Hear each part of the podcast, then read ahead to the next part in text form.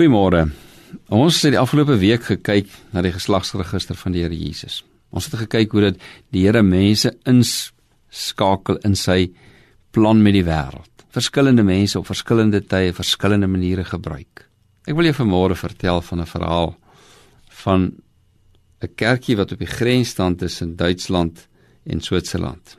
Aan die einde van die oorlog is dit gebombardeer en is daar groot skade aangerig in die kerk maar ook voor die kerk was daar 'n standbeeld van Christus wat in die slag gebly het. En hulle het dit gerestoreer, baie moeite gedoen, die dele bymekaar gesit, maar toe hulle alles mooi bymekaar gesit van die standbeeld, was daar een ding wat ontbreek het. Hulle kon nie die hande en die arms van Christus vind nie. En hulle het toe gewonder hoe gaan hulle die ding nou regmaak? En op 'n stadium toe sê iemand, "Wag, hy het 'n plan. Kom ons los dit net so en ons sit net 'n onderskrif dat elkeen wat by hierdie standbeeld kom staan, dit kan lees.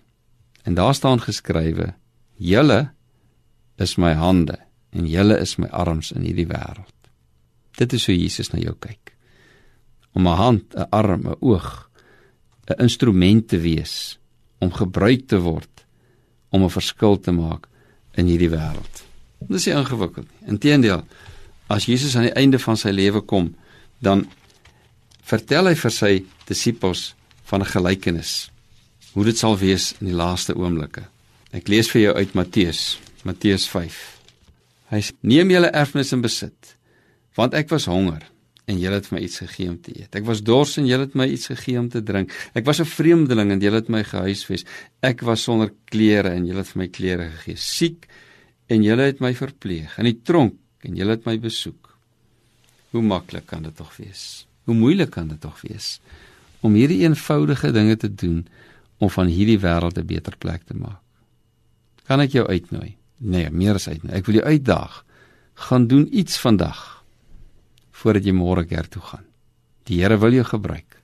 Jy is sy hande, jy is sy arms, jy is sy mond.